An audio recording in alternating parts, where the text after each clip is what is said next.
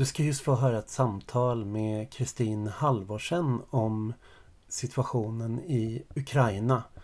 Om den frihetliga rörelsen och om fascismen. Tyvärr när jag lyssnade igenom den här ljudfilen efteråt så upptäckte jag att det hade blivit problem med inspelningen. Så hälften av Kristins ljudfil var skadad.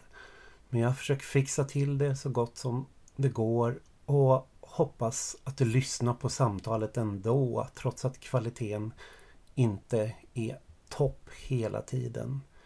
För att det är ett viktigt samtal.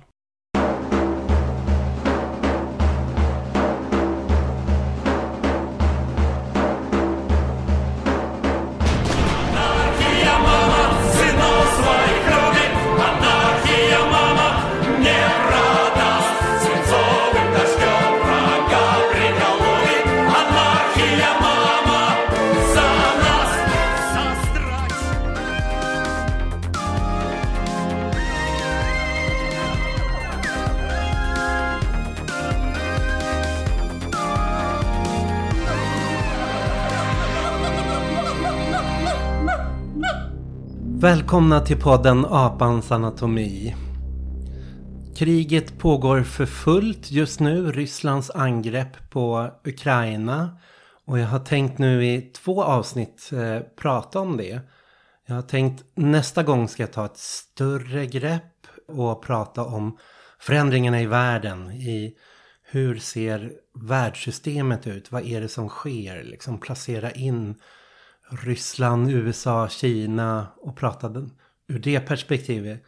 Och det här avsnittet så tänkte jag mer, vi går in på nivån Ukraina, Ryssland och pratar om vänstern, anarkisterna, de frihetliga och även fascisterna och går in i och med att det har blivit en så central fråga i hela propagandan det här med avnazistifieringen av Ukraina. Och med mig idag har jag Kristin Halvarsson. Ja, det är första gången vi träffas faktiskt. Eh, men jag har ju följt dig på Twitter och både dig och din hund Garm.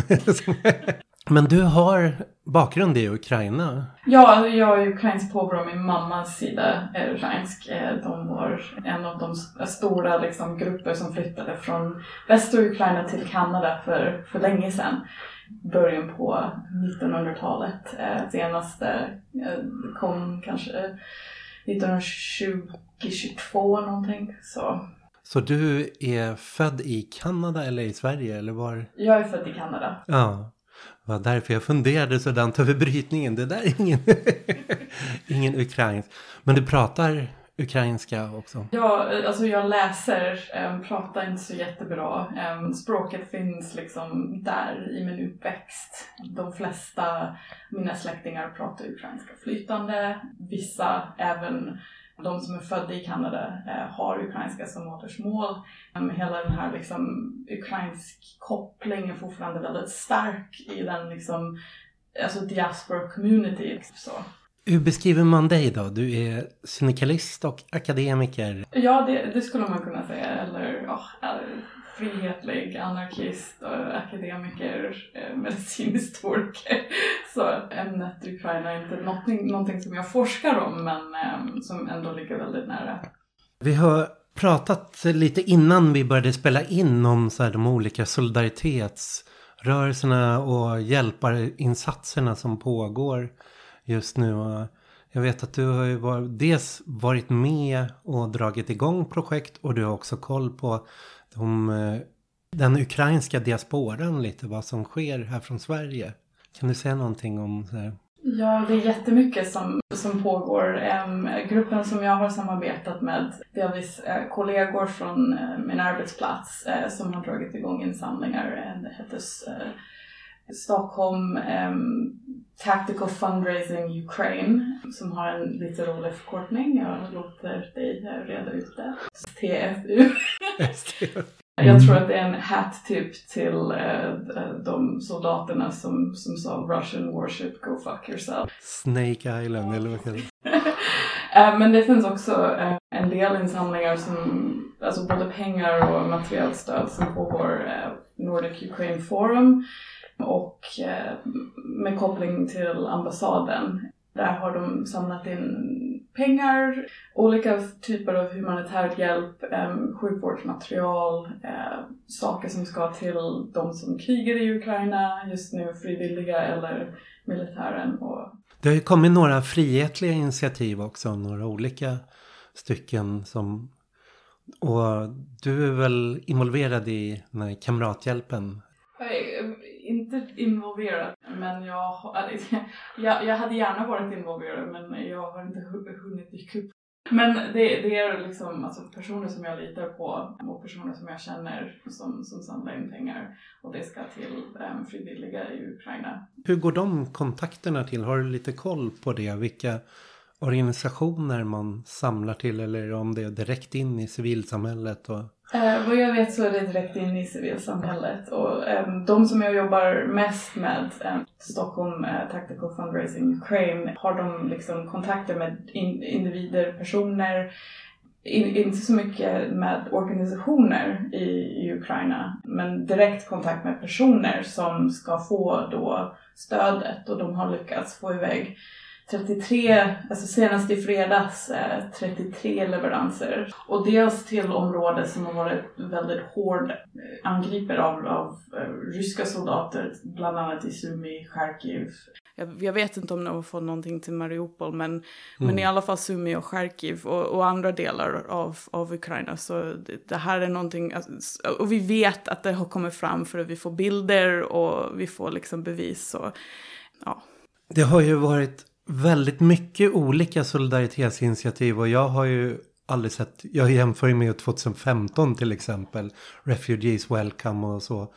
Men eh, även så här Timbro organiserade insamlingar, folk i, på yttersta högerkanten liksom har kört ner, att det verkar ha varit mycket sådana här spontana, fyll en skåpbil och åka ner till, till polska gränsen.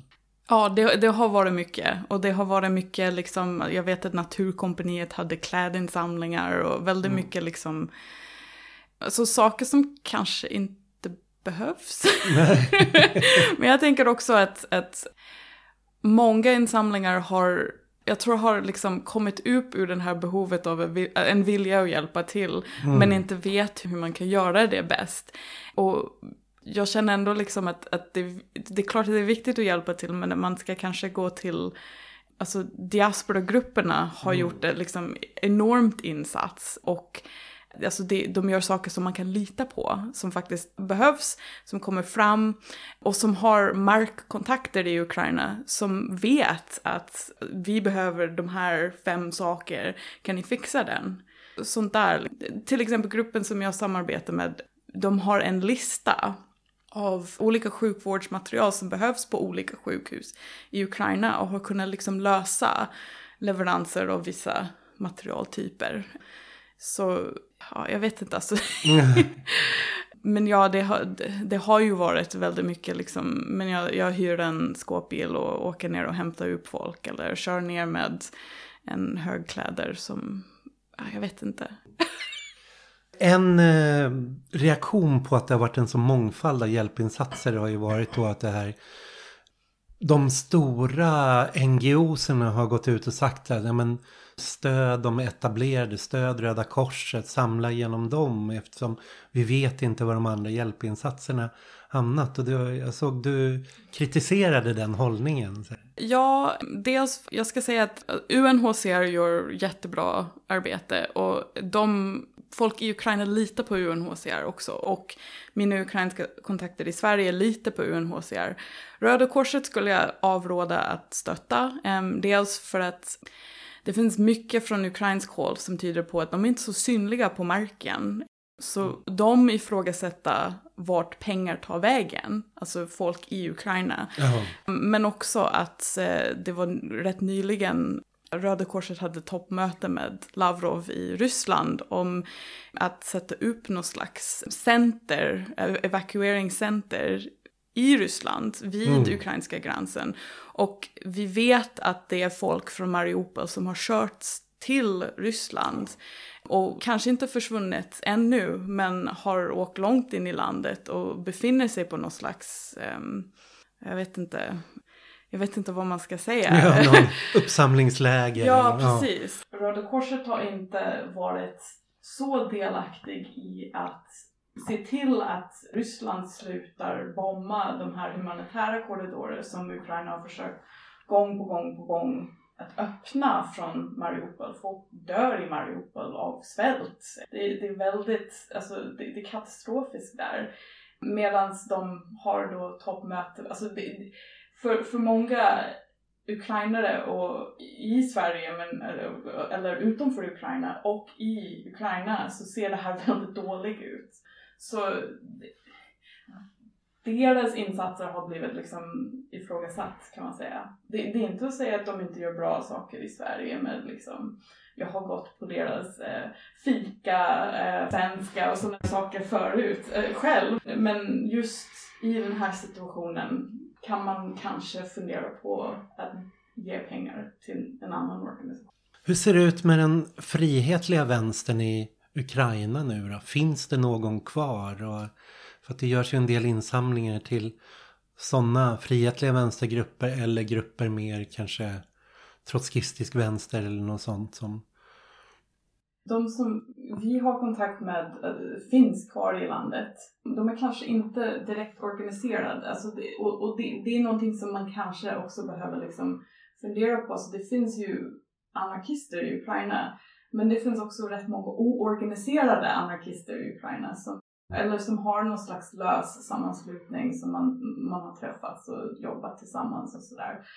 Men en sak som alltså jag tycker är väldigt liksom, viktigt att tänka på också är liksom, den anarkistiska historien som Ukraina och den här liksom, frihetliga känslan som delas av många ukrainare även om de inte kallar sig för, för anarkister så det här liksom, alltså det här är något som jag har vuxit upp med, liksom, att liksom bara lämna mig i fred. Liksom. Jag vill bruka marken, jag vill alltså, ge mig min frihet. Och jag tror att det är klart att, att det finns anarkister i Ukraina. Alla är kanske inte organiserade, jag menar folk här känner till Red Dia och andra organisationer. Men det finns massa, eller jag ska inte säga massa, jag ska inte överdriva här. Men, men det finns ju också liksom anarkister i förband som inte är anarkistisk förband. Ja. Eller som organiserar humanitär hjälp och, och sådär. I hela motivationen från Putin om det ryska angreppet så handlar det om avmilitarisering och denazistifiering. Och det har ju varit eh, en diskussion nu väldigt mycket kring liksom Ukraina, hur verksamma är nazistiska grupper idag men också dess historik och därför är det intressant det du säger att det finns en frihetlig ukrainsk tradition också och vi kan ju liksom försöka bena ut den där bakåt liksom. Och det är inte så lätt också att de där bara funnits och stått mot varandra också utan det har ju funnits överlappningar och korsningar i, emellan dem också som har krånglar till allting oerhört.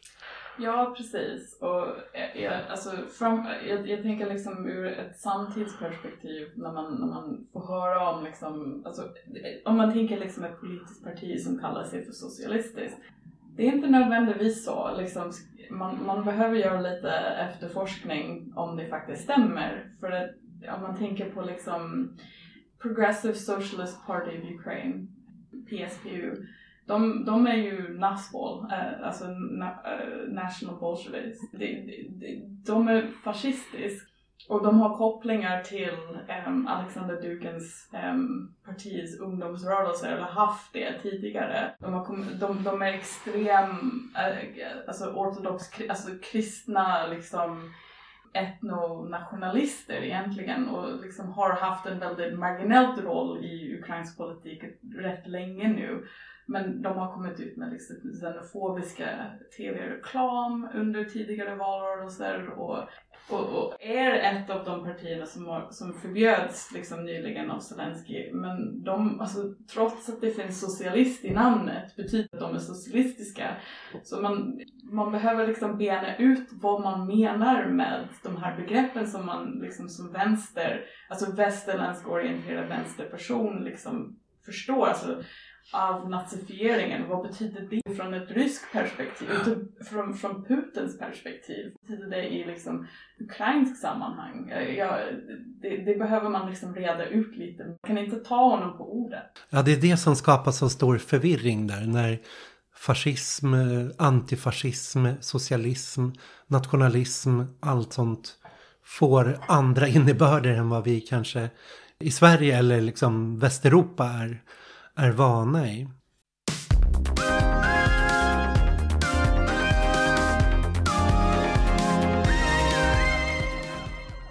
Men om man ska göra så här en jättesnabb crash course i Ukrainas historia. Vi behöver inte gå ner djupare. Men både från ryskt och ukrainskt håll så hävdas ju att men, Ukraina är bara en ny, ung nation. Det här, det här är liksom en eh, byråkratisk, administrativ skapelse under Sovjetunionen. Det finns ingen historia. Det finns inget Ukraina.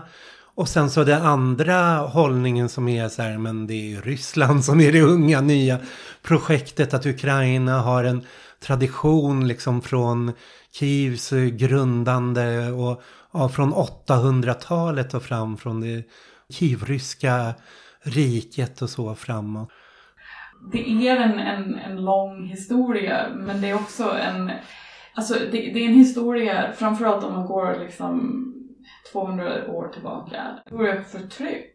Om man pratar om ukrainska staten så som det ser ut nu, så som det såg ut innan Krims ockupering, så har alltså marken delats mellan olika imperier. Eh, alltså, så, så det är ung i den bemärkelsen. Liksom, man talar om nationsstaten men alltså den här ukrainska eh, det har varit liksom ett, ett alltså projekt för liksom identitetsskapande ur ett liksom, alltså nationsstatsperspektiv som drar den här långa historien bakåt till 1800-talet. Grejen med Ukraina som jag, jag och nu pratar jag inte nödvändigtvis om nationsstaten Ukraina utan Ukraina som liksom koncept. Är, det går liksom tillbaka kanske 200 år i liksom sättet att lyfta bönder upp liksom, och främja deras liksom, alltså språk och kultur kanske. Men men att, att motarbeta det här, liksom, alltså, om man säger så, imperialistisk förtryck som delar av Ukraina, framförallt ukrainska bönder, utsatts för. Och en del av det här projektet har, alltså litterära projekt för att liksom främja ukrainsk liksom, litteratur och musik och, och så, har, alltså det, den har främjats av, av folk som kanske inte kallar sig själva som ukrainska air quotes. Utan mycket av den här liksom, alltså en del av personerna som försökte liksom främja det ukrainska språket under 1800-talet, för att det var liksom, alltså bönder pratade ukrainska, var ju äm, äm, intellekt, alltså ryska och judiska intellektuella som, som såg något här som har, alltså personer som utsatts för förtryck fattiga bönder. Men jag har också förstått att den här laddade historieskrivningen också har kommit med utifrån att man ser någonstans eh, Kiev som en slavisk traditions civilisationsvagga. Ungefär som vi har Jerusalem som har tre världsreligioner som, som sin huvudstad som därigenom konkurrerar om den staden så har vi Kiev att det är liksom både det som senare kommer att bli liksom ukrainska, vitryska eller Belarus och ryska nationen, ryska riket, liksom alla ser det som sin vagga, sin födelseort. Och liksom någonstans vill claima att vara arvtagarna från den platsen, så att säga, den, den historien. Sen har det ju ända då fram till 1800-talet som du pratade om varit uh, olika imperier, olika riken liksom från mongolerna, Polen, Litauen och Habsburgska riket och liksom nazityska försök och liksom Sovjetunionen att det har liksom kastats mellan olika så att det har ju inte varit en så här med avgränsade liksom gränser. Så 1800-talet då har vi hela de här nationalistiska projekten i Europa som kommer med de här liberala revolutionerna också. Och då får vi de första nationella rörelserna även som någonstans försöker skapa någon ukrainsk nation väl? Precis, men samt, nä, alltså, nästan samtidigt så har man också Eh, många frihetliga grupper som gör alltså, liknande saker men som ett försök att lyfta bönderna ur fattigdom. Och en sak som är jätteintressant med ukrainsk alltså, kultur bland bönderna är ju alltså den liksom kooperativa. Det var inte liksom individuella bönder som gjorde sitt och sålde sin, alltså, spannmål på frimarknaden utan det var liksom en kollektiv som jobbade tillsammans för att försörja sig själva. Och mycket av den liksom frihetliga andan kommer ifrån den här, de här kooperativa alltså bondesamhällen. Och många intellektuella som hängde liksom i socialistiska eller anarkistiska, anarkistiska svängar liksom ute i Västeuropa. Från liksom det området, alltså jag pratar mest om liksom västra Ukraina. Kom tillbaka och såg det här som någon slags liksom jag ska inte säga anarkistiskt drömsamhälle för det var det verkligen inte. Men i alla fall ett exempel på hur det här fungerar i, i praktiken. Och en sak som jag tycker liksom, att jag vill verkligen understryka är att många ukrainska anarkister oavsett om de oavsett om man talar om liksom Nestor Machno eller någon annan, de var praktiker, de var inte teoretiker. De vill få igenom alltså, praktisk förändring och ta upp, alltså, och, och göra praktiska saker liksom. Sen har ju Macno varit med och skrivit Frihetlig kommunistisk organisationsplattform som är ett av de viktigaste teoretiska bidragen till anarkismen också. Men eh, om vi tar första världskriget, eh, efter första världskriget 1917, eh, ryska revolutionen och det är ju då också som Macno och så de rörelserna kommer igång, eller du inte kommer igång, du visar ju på att det har en, en längre historik. Men vad är det som händer där i samband med ryska revolutionen i, och Sovjetunionen bildas i? Um, jag tror många av dem såg, såg liksom potentiell i att, att liksom få Alltså den här revolutionära potentiellen som man letar efter som en vänsterorienterad människa. Jag tror många såg det som liksom ett, ett, ett tillfälle till att få igenom den här förändringen. Som sen slog, alltså det, det, det gick inte så bra för dem kan jag säga. um, men det var, alltså det, det, det var många, alltså det, det var en möjlighet kanske Eh, en liksom maktvakuum som, var, som, som försvann, som, som man kunde liksom kanske få igenom någonting mer, alltså en stor förändring. Och i eh, Ryssland så blir det ju inbördeskrig mellan de röda och vita och det är väl där också precis det vakuumet du pratar om. Så här, som Makno, att de bildar det här på engelska eh, namnet Revolutionary Insurrectionary Army of Ukraine. Och det kommer att kalla också Anarchist Black Army som en slags gerillakampanj i södra Ukraina där de befriar stora delar av Tov. Och Lenin ger ju då en viss form av självständighet åt Ukraina. Så det blir en egen nation där. Mm tänker det här sker parallellt här uppe med att eh, Finland blir egen egen nation också som alltid har legat under liksom Sverige eller Ryssland och liksom får, får sin självständighet. Det liksom finns en intressant parallell. Jag eller att, att bildandet av Sovjetunionen handlar inte bara om införlivandet i alla i det sovjetiska projektet liksom vid revolutionen utan även att det uppstår det uppstår nya nationer ur, ur revolutionen och den en våg av inbördeskrig och revolutioner i andra länder. Mm. Finland får ju sitt inbördeskrig där också mellan sin röda och vita sida. Så, så Makno och hela, hela den frihetliga traditionen som liksom finns där då. Och sen så har vi mellankrigstiden och vad, vad sker med Ukraina där?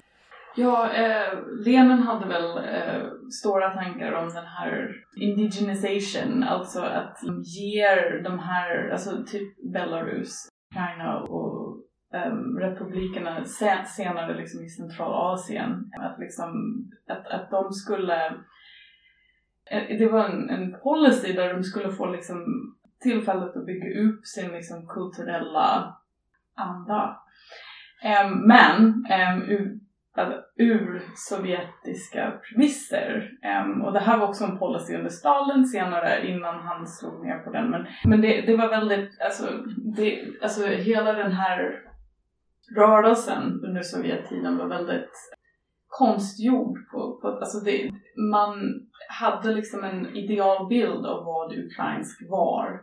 Um, och det var liksom de här fina dräkterna som man kanske känner till och ukrainska språket, ukrainsk litteratur. Men vad betyder det? Jo, det, det betyder att man um, tvångsdeporterade all, alla som inte ansågs passa in i den här idealbilden av vad ukrainsk är.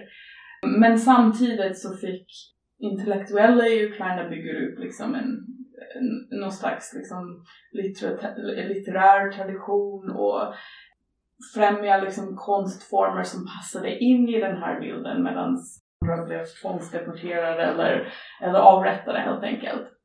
Um, en, ganska, en, en ganska hemsk policy av liksom tvångsukrainisering om man säger så. Ukraina, framförallt västra Ukraina, hade en väldigt stor judisk befolkning. Och det här var även, alltså, som man började slå ner på under den här perioden. Vi pratar 1920-talet. Tatarerna som tvångsdeporterades, dels under den här perioden men också senare under 40-talet. Alltså västra Ukraina och, och östra Ukraina också, västra Ukraina var väldigt liksom, mångfaldig. Men alla liksom air quotes etniciteter eh, inte ansågs passa in i den här liksom sovjetiska bilden av vad ukrainsk är. Så den här policyn pågick under 20-talet, en liten bit in i 30-talet, men sen ansåg Stalin att det här gick inte. Det var någon slags borgerligt liksom jag vet inte. Ehm, det, här, det var borgerligt helt enkelt. Ehm, så vi måste slå ner på den här som ledde till ännu mer tvångsdeporteringar. De här människor som tidigare fick stöd för att bygga upp en intellektuell kultur, eh, litterär kultur, antingen fick fly för sitt liv eller tvångsdeporterades.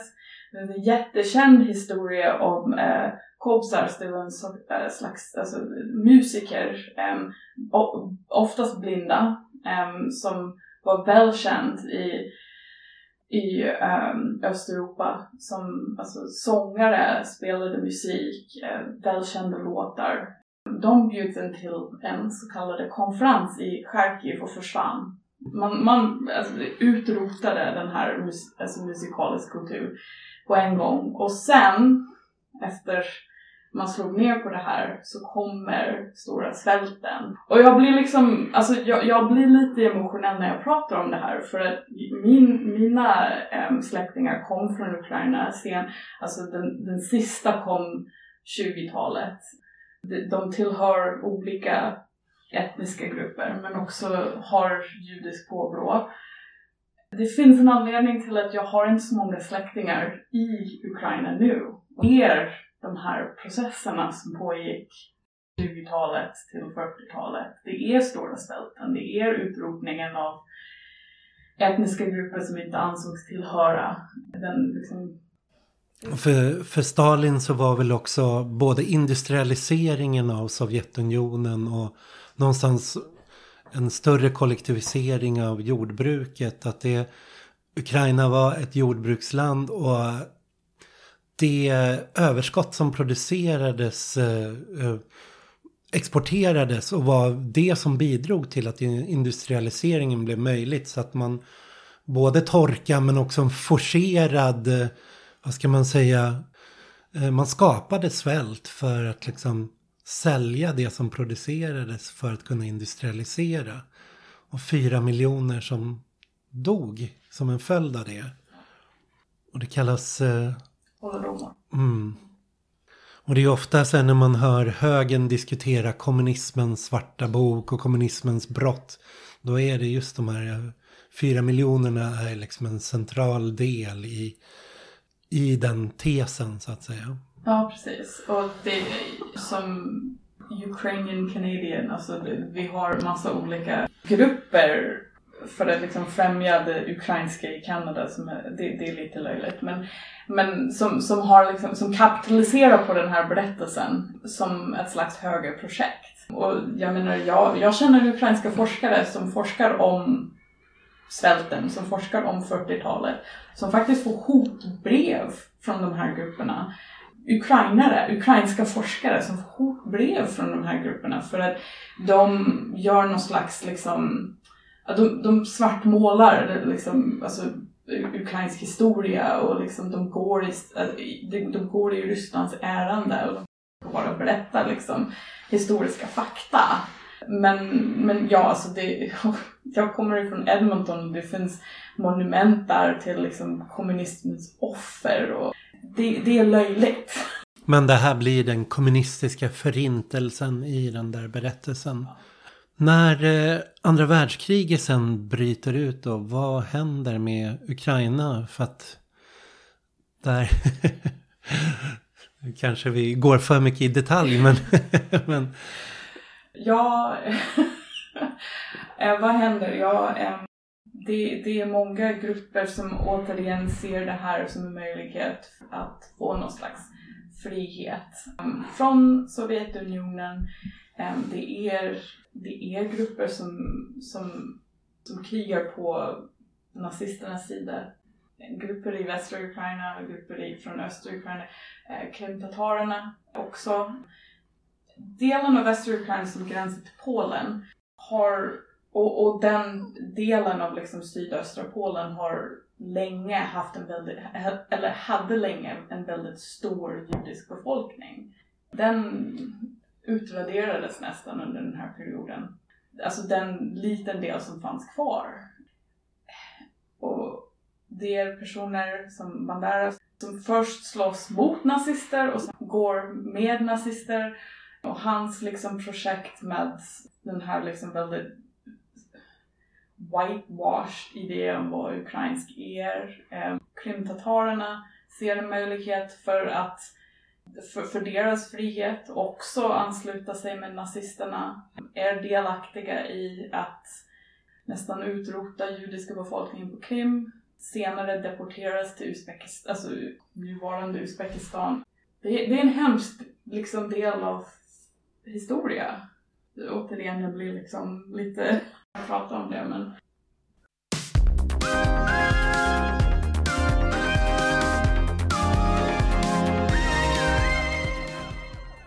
Ska vi liksom snabbspola lite fram liksom till...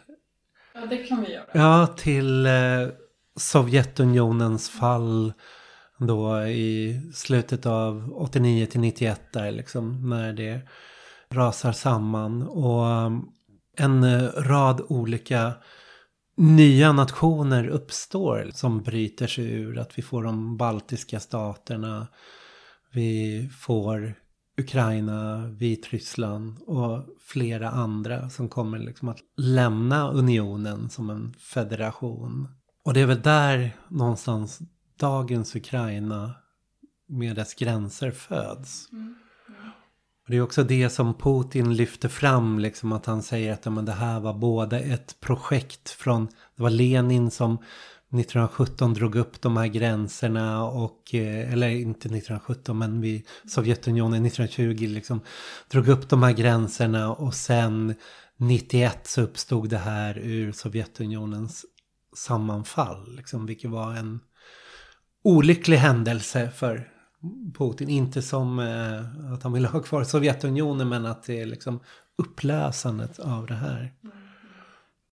De här uh, första tio åren så Naomi Klein har skrivit den här fantastiska boken Chockdoktrinen som liksom går igenom hur alla de här nationerna som lämnar Sovjetunionen, östblocket utsätts för liksom ett en nyliberalt stålbad, chockterapi med utförsäljningar och det uppstår liksom en från den gamla byråkratiska klassen lyckas eh, berika sig liksom på, på det som sker. Men också att det är en våg nationalism som sveper inte bara genom det som Östeuropa utan även liksom in, alltså Västeuropa får vi hela liksom nyfascismens återkomst. Vi får kriget, inbördeskriget i Jugoslavien liksom. Och olika fascistiska grupperingar som kommer tillbaka. Men också nationalismen som inslag. Liksom. Hur stark är liksom, de här nationella strömningarna i Ukraina? En, en sak som liksom, det är en viktig distinktion här. Alltså det, det finns ju stora nationella strömningar. Det finns också en patriotism som kan ändå vara problematisk, väldigt problematisk, men som skiljer sig från den nationalistiska i och med att det är en liksom folklig patriotism som folk försöker hävda just på grund av det här förtrycket som man har upplevt under väldigt lång tid. Men det finns nationalistiska strömningar, det är klart att det finns men det finns, det finns olika nationalistiska strömningar för det är nationalistiska strömningar som, som har styrt landet, som försöker närma sig ryska federationen. Men det finns journalistiska nationalistiska strömningar som försöker klippa band med ryska federationen och rysk inflytande. Det har varit alltså, väldigt komplext och liksom har utspelat sig lite olika beroende på vilket styre man har haft. Om man tänker Janukovic har länge haft politiskt inflytande i Ukraina och har liksom försökt att vara lite populistisk ibland. Jag menar en av anledningarna till att Majdan uppstod 2014 var just att, eller 2013, var just att, att han hade lovat ett närmande i jun men backade tillbaka när han insåg att det skulle skapa problem med Ryssland. Och det är väldigt många ukrainare som har släktingar i Ryssland men det är också väldigt många ukrainare som har, som har, har släktingar i EU. Liksom behöver då ansöka om visum för att kunna besöka. Mm. jag, jag, jag, skulle kunna prata om liksom just den problematiken ja. som uppstod jättelänge men jag kanske få... Ja. ja vi, vi kommer till det kanske. Jag har skrivit en del om Antonio Gramsci och det finns en fantastiskt bra bok som heter Antinomies av eh, Antonio Gramsci som har kommit i nytryck nu som handlar om hegemonibegreppet som Gramsci använder. Och Gramsci var ju ingen, han kom ju inte på det, det är känt, främst känt genom honom men han efter fascismen eh, tog sin marsch till Rom och började ta makten i Italien så tillbringade Gramsci ett år i Moskva där han liksom jobbade för Komintern och var med och studerade. Och där hämtade ju han det här begreppet eh, hegemoni från Ryssland. Och i sena 1800-talet så var hegemoni ett begrepp som användes inom socialdemokratin när det fanns de här demokratiska revoltrörelserna mot tsaren och liksom tsarimperiet så handlar det om vem ska leda den här demokratiprotesten. Och då var Socialdemokraterna, det, man använde begreppet hegemoni för det. Att det, så här, det gällde att om eh, inte Socialdemokraterna blev den främsta kraften att dominera den här demokratimotståndet så skulle mm, borgerliga liberaler bli det istället. Och när Lenin sen började använda hegemonibegreppet och tog han det inte bara för det här hur man skulle använda det av olika folkliga eller skikt eller klasser utan även hur arbetarklassen, proletariatet som var en minoritet i liksom Sovjetunionen i liksom, det var ju fortfarande stor, även Ryssland och liksom, precis som Ukraina var ju bondesamhällen. Så hegemoni var hur proletariatet skulle utöva liksom en makt och dominans över bönderna. Och det innebär också då att eh, projektet som eh, proletärerna kunde inte bara vara verksamma i sina egna intressen. Liksom, som en, det handlar inte om så här, representation eller alla skulle eh, utan att proletariatet var den här den universella klassen. Man ställer en krav på hela kapitalismens skaffande och därför var de lämpade genom sin, sin organisering och sin roll i produktionen att bli en hegemonisk kraft över hela. Och jag tänkte på det när jag liksom läste om så här, Putins föreställningar liksom om Rysslands roll och ryssarnas roll i, eh, i historien. Att det är samma hegemoni föreställning någonstans. Att han, han ser att det har i sitt eh, tal där han går ut och liksom någonstans legitimerar inför kriget och i hans tidigare tal då pratar han ju väldigt mycket om att eh, du har olika slaviska folk. Du har liksom ukrainska, belarusiska eh, och ryska folk. Men det ryska folkets historiska uppgift är att samla alla slaver i ett projekt och vara den hegemoniska kraften över de andra folken. Det är samma liksom så här hegemoniföreställning och sen så ser han då att i ryska kejsardömet under tsaren eller under Sovjetunionen så har de har alla varit projekt med, med rysk hegemoni över eh, slaviska och icke-slaviska folk. Men som sådana projekt så är de ju inte de är inte nationalistiska på det sättet utan de bygger på att du har en, eh, en multietnisk sammansättning. Men den är inte heller universell som i någon så här västerländsk föreställning. Att, att eh, alla ska ha samma rättigheter, alla ska ha samma möjligheter att rösta eller något sånt. Utan det, alla folk ska få bestå, alla kulturer ska få bestå, men under en hegemon, en hegemonisk grupperings ledning som någonstans har ansvaret för allt. Och, och då, det är där hans begrepp också sen kommer in av vilka som är kollaboratörerna, frädarnationerna och liksom den, hans märkliga syn på fascism och antifascism. Att han ser att de slaviska folken har alltid varit hotade. De har varit hotade österifrån, de har varit hotade från mongolerna. De, men framförallt har de varit hotade västerifrån. Olika former av angrepp. Liksom man kan ta liksom från ja, Napoleon, eh, Nazityskland.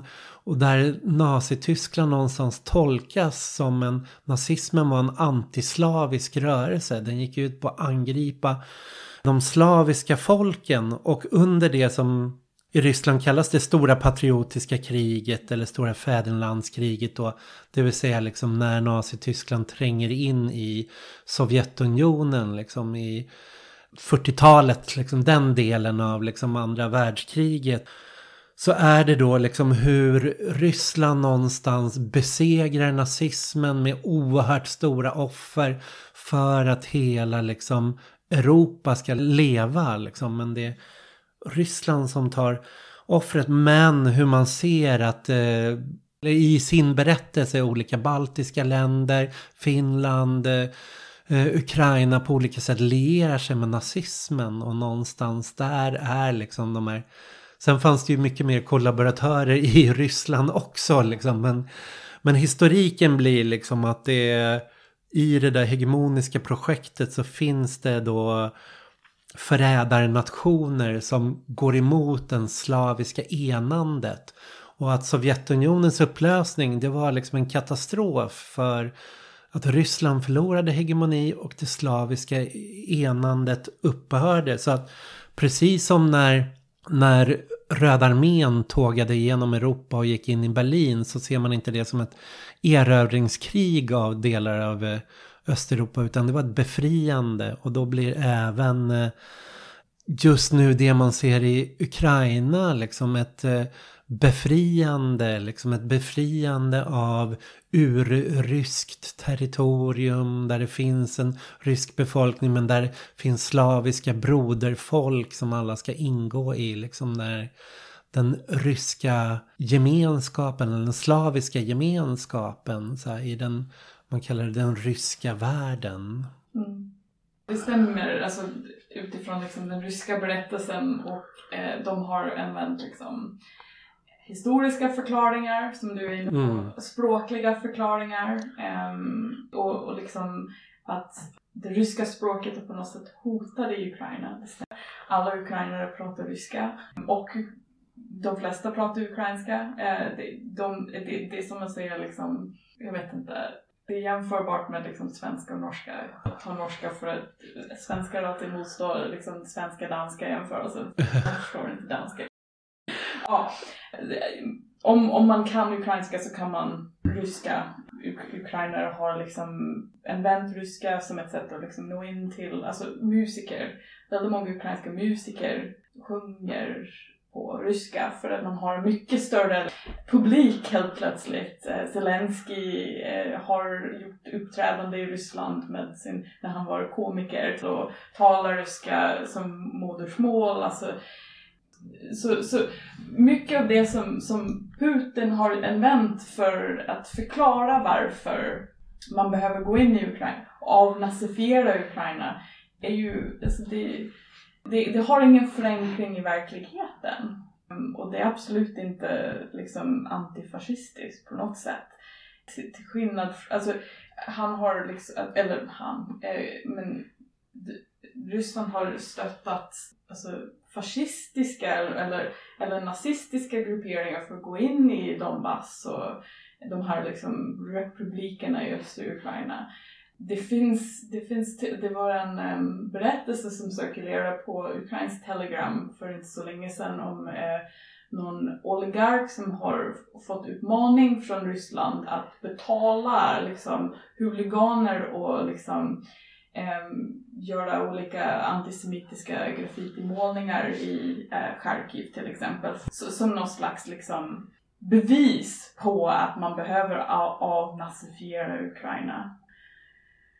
Ja, men så, jag tänker när vi ska prata lite mer om de här eh, frihetliga vänstergrupperingar och frihetliga vänstern så förstår man också förvirringen som har blivit där kring i och med att begreppet antifascism är liksom institutionaliserat i Ryssland liksom som en beteckning då för både nazism och nationalism är det som hotar den ryska världen, det här storryska hegemoniska projektet. Så Och att vara antifascist är liksom inte någon slags konfrontation med den traditionen utan snarare ligger rätt mycket i linje mellan att du, du är inte riktigt oppositionell på det sättet att vara, eller rysk antifascist i de antifascistiska miljöer liksom kring anarkistscenen och punkscenen som liksom växte fram, man kan säga under slutet av 90, början av 00-talet. Jag tänker också vi måste ju nämna också då så här, men vad spelade väst för roll i hela det här den utbrytning eller vad man ska säga de här länderna lämnar den här ryska världen. Det Putin benämner som ryska världen. För det är ju där också som, alltså den här har ju också plockats upp mycket inom vänstern världen över. Liksom att se hur... Jag kommer ihåg EU-toppmötet i Göteborg till exempel. Det var ju då eh, EU bestämde om östutvidgningen. Man tog in länderna i EU som eh, de baltiska länderna och liksom eh, Polen och Ungern och alla. Liksom Tjeckien och så anslöts. Och vi också såg hur NATO liksom anslöt flera, liksom, de baltiska länderna liksom, och Polen till, till NATO. Så att det är, och vi har hela vågen av liksom nyliberalt, av västkapital som, eller västintressen som gick in under hela den här chockdoktrinperioden på 90-talet liksom och liksom pumpade ut resurser ur. Så att det finns ju en väldigt tydlig västinfluens också. Och samtidigt som också finns en rädsla för Ryssland som har drivit. Eh, och jag menar med den här influx av kapital i, i Ukraina men också Ryssland. Och då ser vi alltså att liksom fåtal har kapitaliserat på det. Um, som har lett till alltså, stora, alltså, som, som folket har förlorat på. Med alltså, eh, alltså NATO och liksom EU-frågan tycker jag, alltså, alltså, jag är inte någon EU-förespråkare, jag är inte Carl Bildt. Eh, jag är inte heller NATO-förespråkare. Men jag tycker att den bilden som har målats fram, framförallt under Majdan men också nu, eh, av den här liksom rys, rysk och EU slash NATO mot varandra är en förenkling som leder till att, att personerna i de här länderna inte få någon slags agens. Jag, jag är inte EU-medborgare från födseln och jag liksom förstår den där alltså, problematiken med att liksom handskas med Fortress Europe som utomstående. Med, medan liksom andra har inte haft eller har inte behövt att bemöta den, den här liksom uteslutningsmekanism som kommer med alltså, EU-medlemskap eller EU-medborgarskap. Eh, och väst har gett Ukraina liksom en rad olika, ska man säga, har gett Ukraina säkerhet, alltså, territor alltså territorial säkerhet flera gånger efter Sovjetunionens fall ifall att de skulle bli angripen av Ryssland som, som har sedan inte efterlevts. Jag, jag, alltså, jag förespråkar inte NATO men jag förstår varför personer i de här länderna, i baltländerna, Polen, Ukraina skulle se det som någon slags säkerhet, angrepp från Ryssland som vi ser nu. Och det finns ju också en lång tradition i USA bland från statsvetare till militära rådgivare som har varnat för vad en västutvidgning skulle liksom göra, liksom pressa, pressa Ryssland till. Så att det är inte så att eh, det här inte har varit en vetskap om det i, i liksom NATO-länderna heller. Liksom. Och därför har man ju, ja, det har ju Alltså det blir en falsk bild att säga att man bara har försökt värva in Ukraina i NATO. Utan snarare har man ju både lockat och stängt dörren parallellt hela tiden. Så här. Precis, och jag menar det, det, har hänt flera gånger med liksom Ukrainas närmande EU att man har stängt ut dem flera för, på grund av korruption. Liksom sagt nej, nej alltså ni, ni behöver liksom ta hand om den här liksom omfattande korruption som, finns, som ändå finns i landet innan vi kan ens liksom tänka på medlemskap. Som eh, NATO har, har gjort liknande, liksom, och eh, som du säger, närmande. Också stängt möjlighet för att vara med. En sak som jag tror att alla, är viktig för alla att komma ihåg är att för Ukraina började kriget inte nu, det började 2014 med annekteringen av Krim och alltså, de här utbrytarrepublikerna i, i östra Ukraina.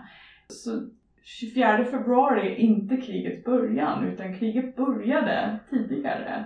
Men sen från, från rysk sida också så att Putin blir ju president år 2000 och är ju väldigt västinriktad till sin början och försöker stå utanför alla ideologiska strömningar. Att G7 blir G8 liksom när vi är nere i Genova och protesterar 2001 då är det ju mot G8-mötet. Putin sitter med i de där eh, mötena och försöker att Ryssland ansöker till NATO. Så under de här två första presidentsperioderna är han ju väldigt västinriktad.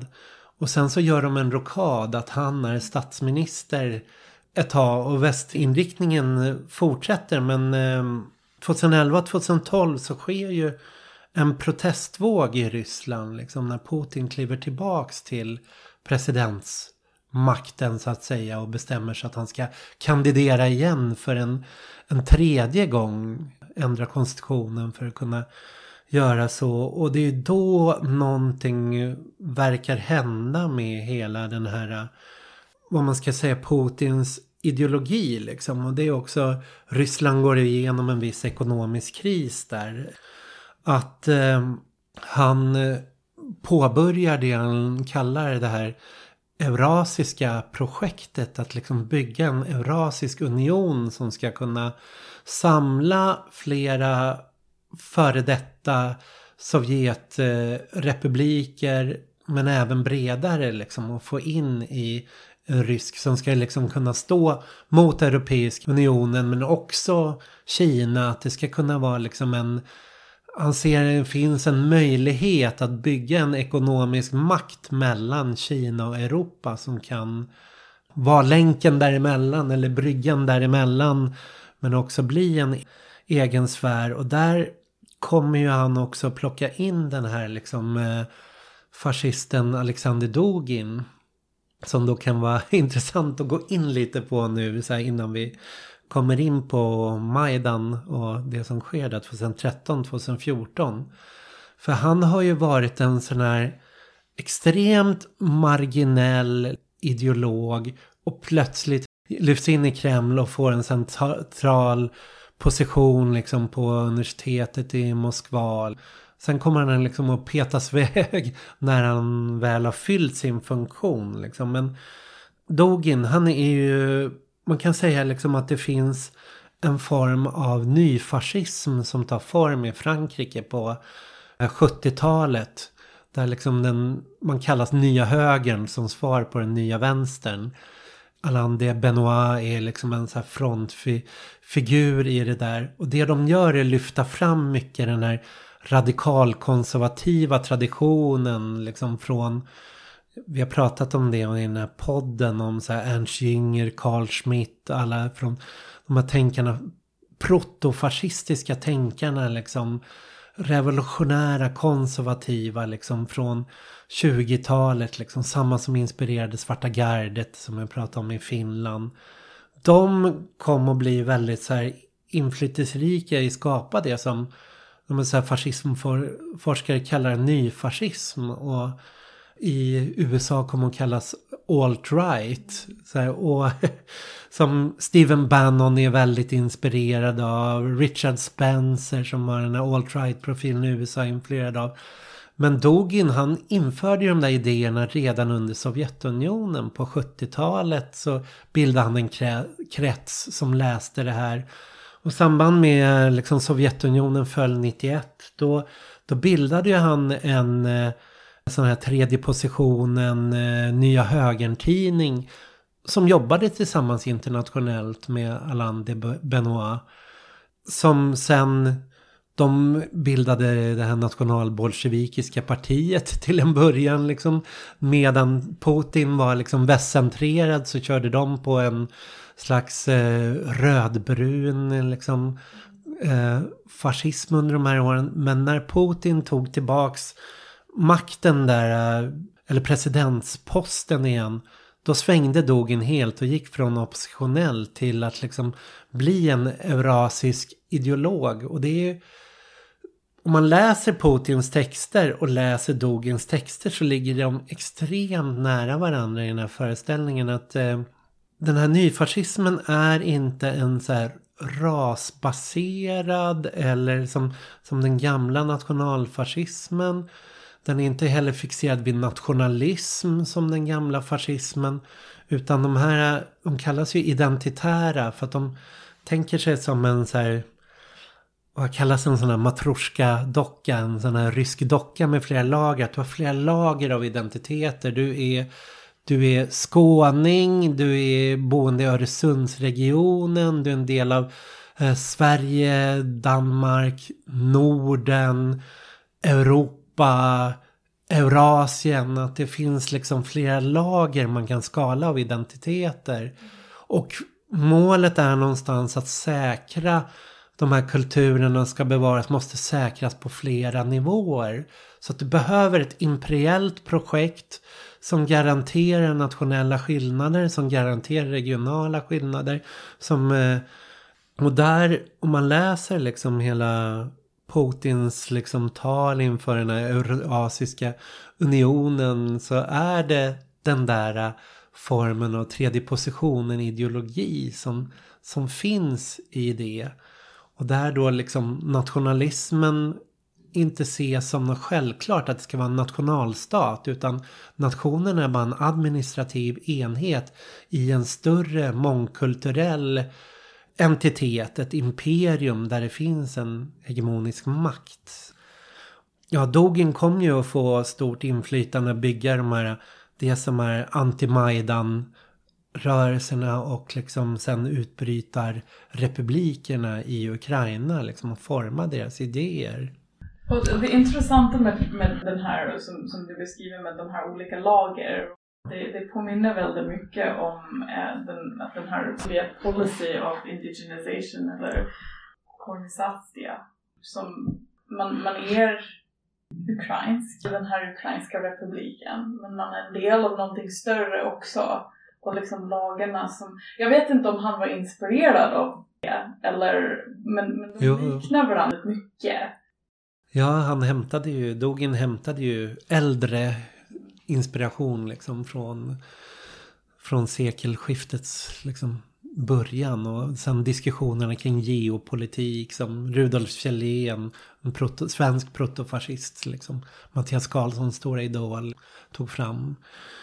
Det här rör ju också till det, både så här nationalbolsjevikiska projektet och sen Dogins nätverk som också är starkt in i Ukraina. Att han har traditionalistisk organisering på Krim och in i Ukraina redan innan eh, Majdan. Så att de kommer se sen att några av de som är skolade som ideologerna i Azov de är ju skolade av Dogin liksom i de här föreställningarna också. Så att det är samma föreställningar där. Kan komma in på det senare. Men då där 2013, 2014 när Majdan, Euromajdan bryter ut. Vad är det liksom som händer då? Ja men det, alltså president Janukovic, han vill ju, alltså han, han gick till val eh, och det här är en man som har gått till val i Ukraina. Men han, han gick till val på att göra någon slags EU-närmande och, och fick majoritet, kom in, men han är och har varit känd i Ukraina för att vara så kallade ryskvänlig under lång tid och kom in på att göra EU-närmande men gjorde tvärtom. Han vägrade skriva under på, på erkännandet eller dokumentet och istället ville närma sig den här ryska projektet som fick väldiga protester. Och liksom, alltså proteströrelsen var liksom, alltså det var inte så jätteorganiserat i början. Det var, det, folk gick ut på gatan, och studenter, vanliga människor. För att även om många ukrainare har släktingar i Ryssland så har många ukrainare släktingar i EU-länder. Ganska många i Nederländerna, finns i Sverige, Polen, alltså och överallt. Att behöva ansöka om visum för att kunna besöka, alltså det, det, det är besvärligt. Alltså, Fortress Europe stänger ut folk som inte är med i det här gänget så att säga. Väldiga protester. Folk gick ut på gatan. Det, det var, jag har sett folk kalla det för någon CIA-operation. Det var ju inte det. Det, det, var, det, det var massproteströrelse för att folk var förbannade över det här. Att man gjorde tvärtom som man skulle ha gjort. Och det möttes med hård repression och den här ökända kravallpolisen som, vad heter de, Berkut? Berkut ja. ja. Som misshandlade och liksom gav på, vilket skapade en väldigt snabb radikalisering. Det finns ju olika uppfattningar om, alltså från frihetliga vänstern om, om hur det såg ut. En del av mina vänner säger sig ha varit på gatan från dag ett. Medan andra liksom var mer avvaktande och vill liksom se hur det utspelade sig. Men en kanske genomgående uppfattning är just att extremhögern högern var bättre på att liksom organisera sig snabbt. Och det är det som man, man ser i, i många bilder med den här svarta och, och, röda flaggan som man ser på, som man har sett på väldigt många demonstrationer runt den tiden som inte är syndikalistiska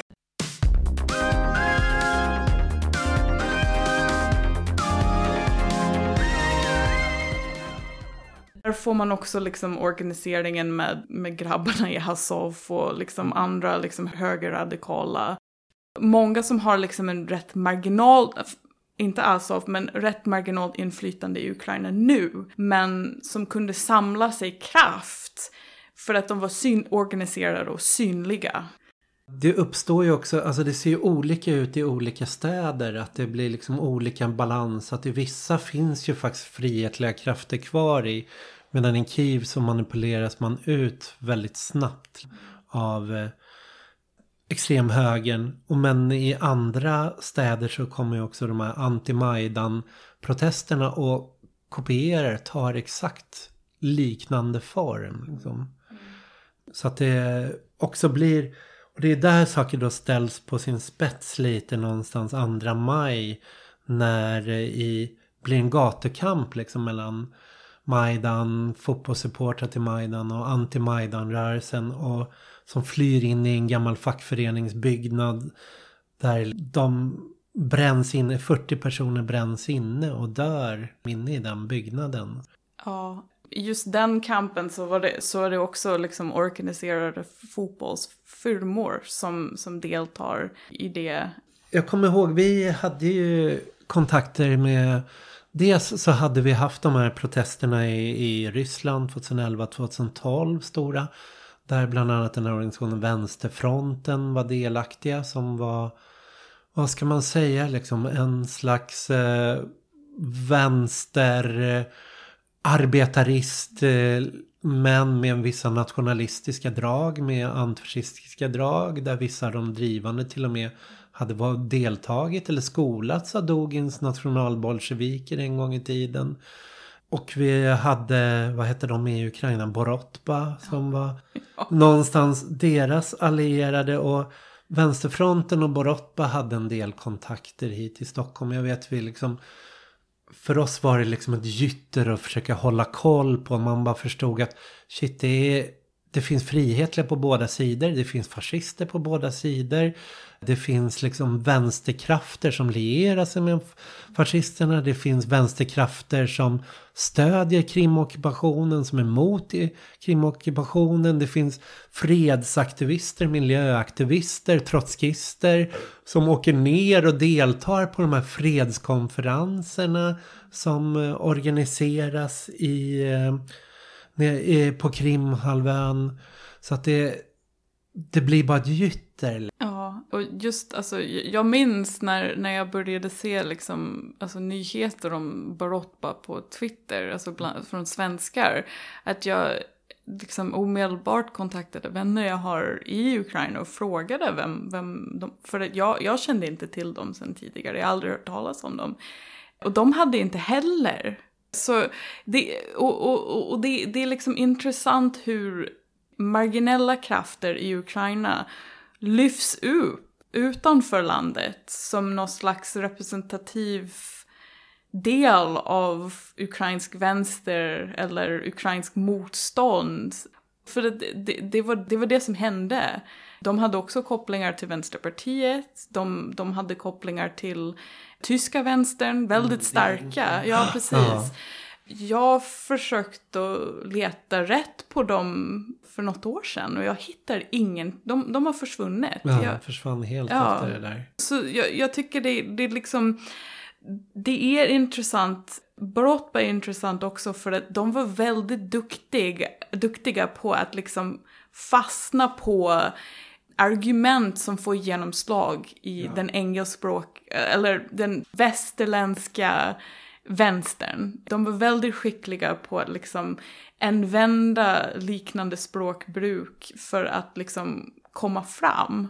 och få uppmärksamhet. Ja. Medan i Ukraina så uppfattades de som väldigt marginella. Alltså, mina vänner som jag nämnde alltså, hade, visste inte vem de var förrän jag nämnde det. Så, så började de kolla upp, de Mm. håller de på med, vem, vem ligger bakom och så vidare. Men jag vet ju många inom vänster, inte många, men det finns ju en strömning inom vänstern och jag, liksom italienska vänstervänner eller något sånt som drogs med också i det här Donetsk och Luhansk i anti-Majdan-rörelsen där i de folkrepublikerna som bildas i att det motiveras som antifascistiska folkrepubliker. Att det, att det söker sig, de bjuder in, de organiserar ju konferenser som ena konferensen vänder sig till vänstern och sen så samma lokaler en månad senare så har de en konferens som samlar alla så här från national och etnonationalist och liksom identitära grupperingar så att det det blir liksom en väldigt sån här rörig smältdegel där liksom fascister och vänster i antifascistiska samlingar liksom för Ja. mot eh, antifascistisk folkresning mot den nazistiska Majdan. Och det är väldigt intressant för att jag, jag tänker liksom nu på kriget, jag, jag har ändå sett, alltså jag uppfattar uppslutningen från vänster som helt annorlunda nu än det var 2014. Alltså stödet som Ukraina har fått från vänstern, eller ukrainare har fått från vänstern, är, är helt otroligt. Eh, Det går inte att jämföra, men, men jag minns, det är fortfarande bland delar av vänstern, den här försiktigheten att hamna på samma sidan som Azov till exempel. Som ändå leder till att man hamnar på samma sida som fascister ändå. För att man gör uttalanden eller man sprider saker som sprids av fascister med kopplingar till ryska staten. Ja. Och vi kanske ska gå in på Azov där för att det är, för att det är liksom eh, det går inte att skildra som en antifascistisk sida och en nazistisk sida på något sätt annat än i liksom Putins ideologi då. Så här. Och det intressanta är ju någonstans att Sverige, svenska extremhögern har spelat en viss roll här. Att vi har Dogens böcker, att de finns översatta på engelska och spridda på i anglosaxiska världen. Liksom. Det är tack vare en svensk eh, högerextrem förläggare, Daniel Friberg, som har liksom översatt dem och gett ut dem. Och när de släpptes på engelska så, höll, så kom Dogin till Stockholm och deltog på de här identitär idékonferenserna. Och Azov har ju också haft väldigt täta band till Sverige. Att det var svenskar, alltså vi har ju som Nordiska motståndsrörelsen och så, de har ju alltid rört sig mer till ryska extremhögen, de här ryska imperiella rörelsen och de kontakterna. Men när det gäller så här Nordisk ungdom, de identitära och framför allt det som svenskarnas parti, det som var nationalsocialistisk front och idag är det fria Sverige. De åkte ju ner till Majdan och deltog där och de fick se stormandet av vänsterlokaler och liksom de fick delta i, de fick vara med och träna sen när Azov bildades.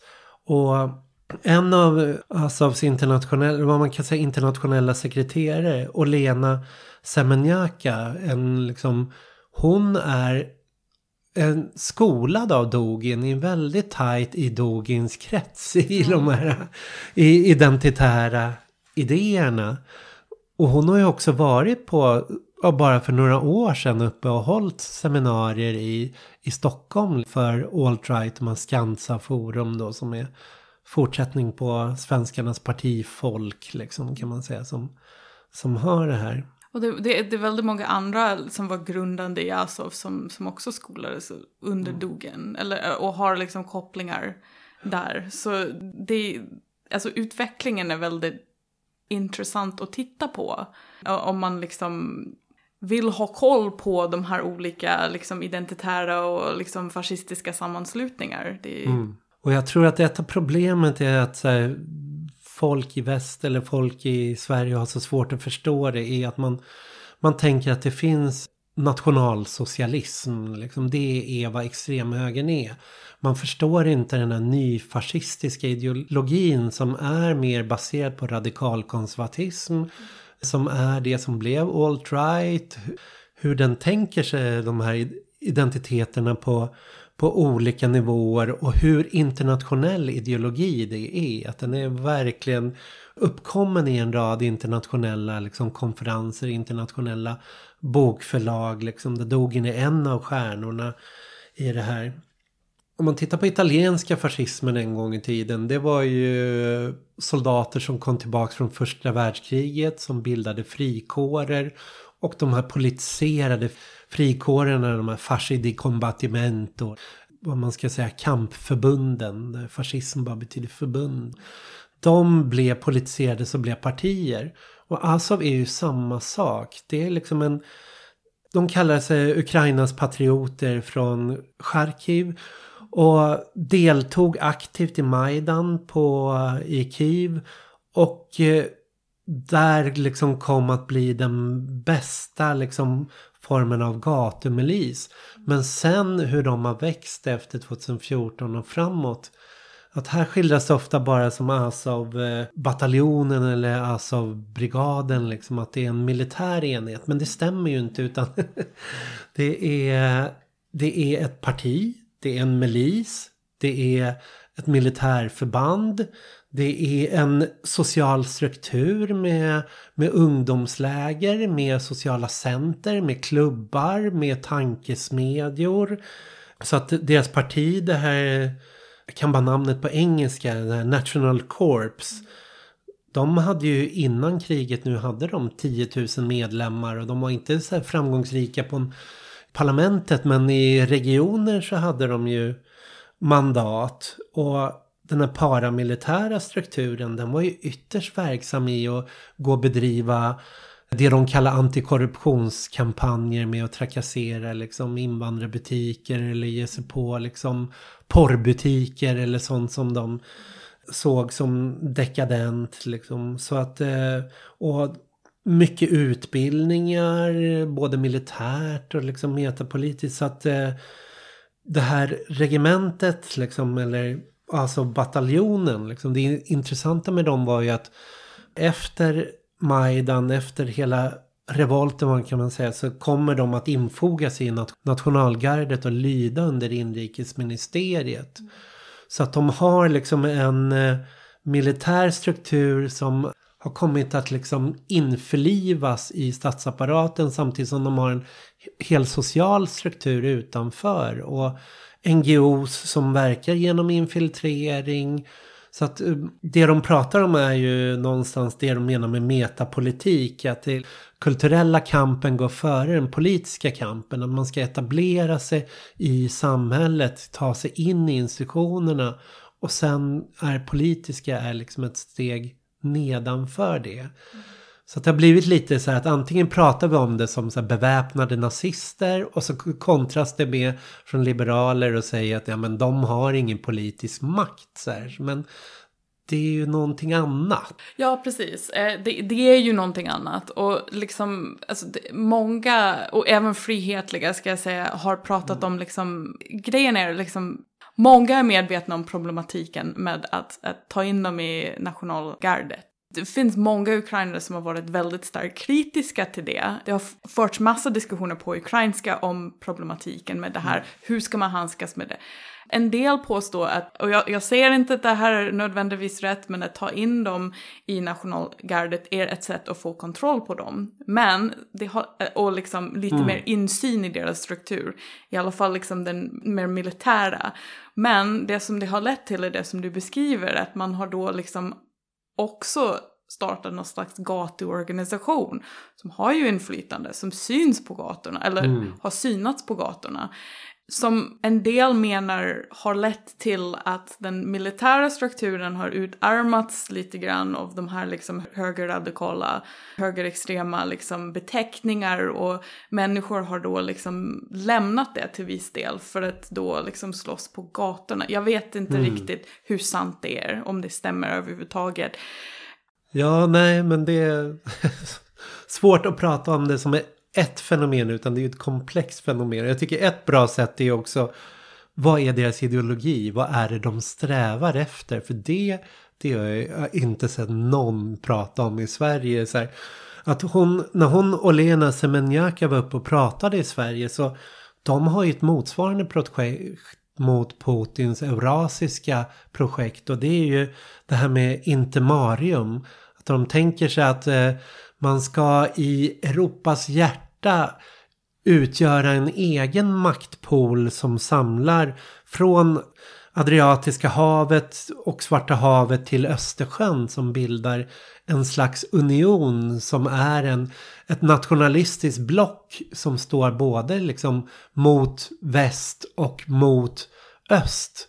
Så att det, det är även där, det är samma doginska mm. liksom, projekt som de gör. Och det intressanta med den här föreställningen, så här, om man tittar på EU liksom, och tittar på den diskussionen vi har med de här Visegrad-länderna som eh, Polen, Ungern, Tjeckien, Slovakien som, som har ett eget samarbete i Europeiska unionen. De verkar ihop som ett block.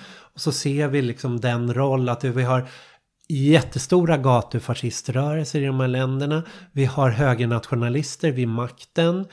Vi har en slags institutionalisering av gatufasciströrelserna. I Serbien har vi liksom motsvarande mot vad som sker i Ukraina. Så Ukraina någonstans ligger ju som en del av en östeuropeisk liksom högerpopulistisk kontra gaturörelsetradition. Och den är ju inte heller så skild från Trumps struktur med magarörelsen och den roll alt-right, den roll med Proud Boys fyller där, där vi ser liksom gaturörelser börja institutionaliseras, börja sugas in i partierna. Och då får man se, är det här ett oskadliggörande eller är det en radikalisering inifrån? Så ur Putins synvinkel så, så är det ju faktiskt en nationalistisk, fascistisk eh, gräns eller vad man ska säga, liksom gränszon som håller på att byggs upp mot Ryssland. Han har ju inte helt fel i argumentationen på det sättet. Men det man inte ser då är ju att hans projekt är ju någonstans samma. Mm. Dogin byggde ju också gaturörelser som kom att institutionaliseras av Putin och bli de här, de behövde de här anti-Majdan-grupperna och innan det de här um, mot färgrevolutionerna som var runt 2004-2005 liksom med gatufight-rörelser. Ja. Och många av de rörelserna kallade sig för antifascister också.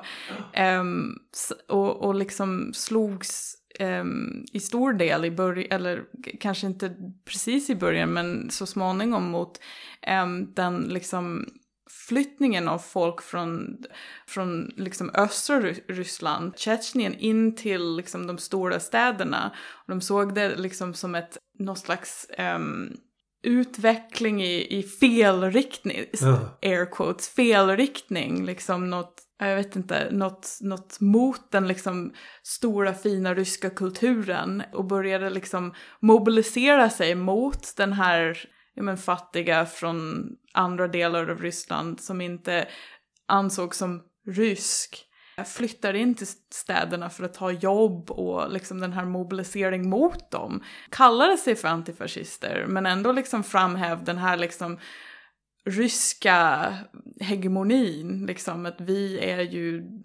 Jag bara tänker på att det, jag känner det måste vara tröstlöst att vara frihetligt organiserad i Ukraina just för att du har liksom så du är klämd från så himla många håll och också se även att det i frihetliga rörelsen funnits de som har dragit åt att säga men vi måste in i de här frivilliga försvarsstyrkorna och sen så kommer stå sida vid sida med fascister och sen så har det kommit så här projekt som att lyfta någon slags eh, nationalistisk tolkning av Makno eller nationella, vad ska man kalla det, autonoma nationalister, liksom sådana projekt som bara skapar ett väldigt gytter. Och samtidigt så är det kanske det som är det viktiga att lära sig att inga resningar, inga revolter kommer så här, vara rent frihetligt, vara rent vänster. Utan det är så här, vi måste se när manipuleras vänstern ut när korrumperas vänstern? När börjar vänstern ideologiskt glida och bli någonting annat? Så här. Och det är beteckningar är ingen liksom så här hjälp där. Bara någon kallas anarkist eller antifascist säger inte dyft eller kommunist. Nej men precis. Och alltså de frihetliga som jag känner där, som har stannat kvar nu, eller som är kvar, är liksom, de är väldigt tydligt med att de har inte tid just nu att kunna backa tillbaka och analysera allting. Liksom. De, har, de har sagt, alltså Kristin, du är privilegierad i den här situationen. Du, du har tid att liksom kunna backa tillbaka, analysera, titta på liksom den lite större bilden. Liksom, de kan inte de slåss för frihet egentligen. Mm. För att landet har anfallt av Ryssland och många frihetliga ser sig själva extremt hotade ifall mm. att det blir något maktskifte. Ukraina är inte, alltså som nationsstat, är absolut inte perfekt, men de har gjort stora framsteg med till exempel hbtq-rättigheter. Ja. Många hbtq-personer har stannat kvar för att ansluta sig till nationalgardet.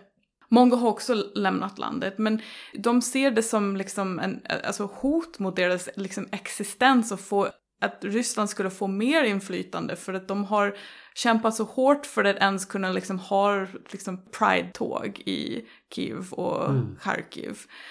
De har, de har inte tid att, att analysera liksom vem är det som jag står bredvid nu vad står den här personen för?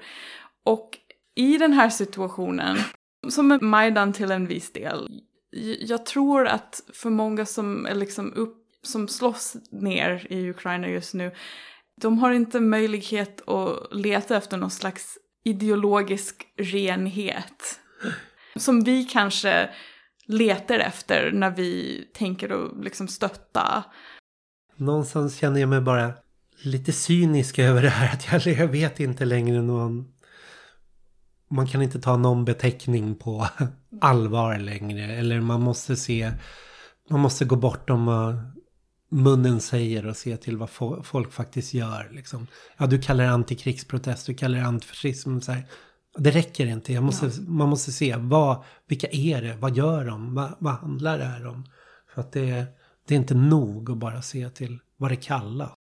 Nej, precis. Och liksom återigen, alltså det, det, är grupper som har varit väldigt skickliga på att liksom kapitalisera på vad vi kallar saker för och vad vi anser är kanske antifascistiskt eller men som faktiskt står för tvärtom. Ja, men som den här liksom avnazifieringen och liksom som alla de här partier som är PSPU som, står, alltså, som har socialist i namnet men som är liksom nassbollpartier. Det finns möjlighet att göra de här eftersökningar och forsk, alltså forskning om de här grupper och partier. Men man måste lyssna på ukrainare också. och jag, jag, känner ändå att det här, är, det, det, här har varit någonting genomgående som har saknats sedan 2014 i alla fall.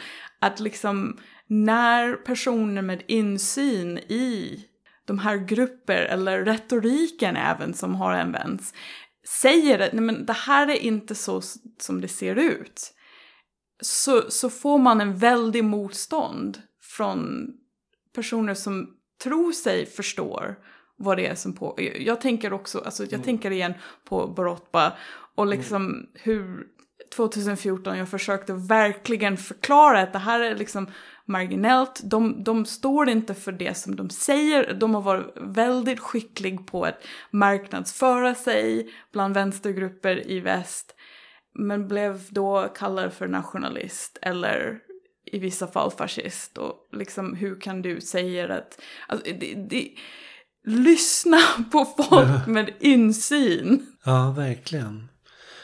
Sen tror jag också att det är problematiskt hela den här liberala synen att man också gör det till en den stora motsättningen just nu och det här är ju från Francis Fukuyama och liksom med historiens slut. Att allt går mot att slutmålet i historien är liberala demokratier.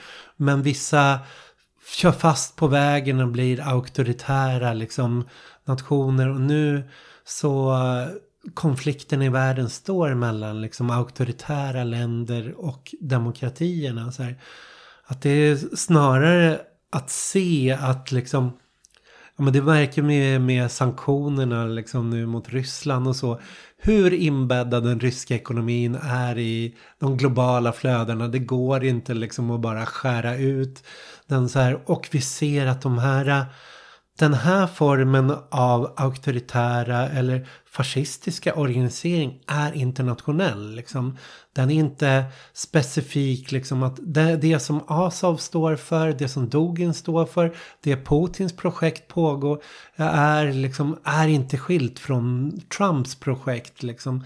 Är inte skilt från Bolsonaros projekt eller liksom Le Pens projekt. Att det är samma projekt och det, det går internationellt. Nej, precis. En sak som är kanske verkligen viktig att understryka är just också vad frihetliga säger. Frihetliga i Ukraina liksom oroar sig för, alltså mm. det som kommer efter. Och det är inte bara är, alltså något att Ryssland skulle vinna kriget och liksom äh, återinställa Janukovic som har liksom ryktats om liksom att, de, att han väntar i, i Minsk eller någonting. Mm. Utan också den liksom bakslag som kanske kommer med den här stora patriotiska anda som finns ändå i landet nu, att man, man mm. slåss för sitt lands frihet och sådär.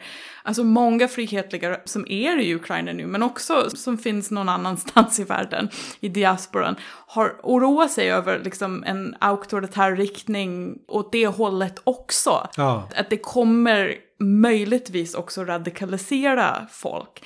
Men det som de ändå är väldigt mån om att understryka är att kriget är prio ett just nu och allt annat så får vi ta och mobilisera oss. För att folk har pratat om Azov som ett sätt att liksom lära sig högerextrema organisera sig och hur, mm. hur man bygger upp en organisation. Det här kanske också är ett sätt att visa frihetliga mm. att hur man kan organisera sig och bygga upp en organisation som får någon slags genomslagskraft. För att det finns ändå något frihetlig historia i Ukraina. En ja. anarkistisk historia. Anarchist Black Cross, det grundades av en ukrainare. Machno, men, men också alltså, många andra liksom, anarkistiska rörelser som verkade i Ukraina under liksom 1800-talet, tidigt 1900-talet. Så det finns ändå någonting där. Och någonting som jag hör många frihetliga liksom försöka lyfta fram som ett sätt att när kriget är slut kunna organisera sig kring och samlas kring. Det är bra slutord att vi måste lära av den organisering som sker nu och som finns, och som pågår. Tack Kristin för att du ville vara med och prata om det här. Ja. Tack för att jag fick vara med. Ja.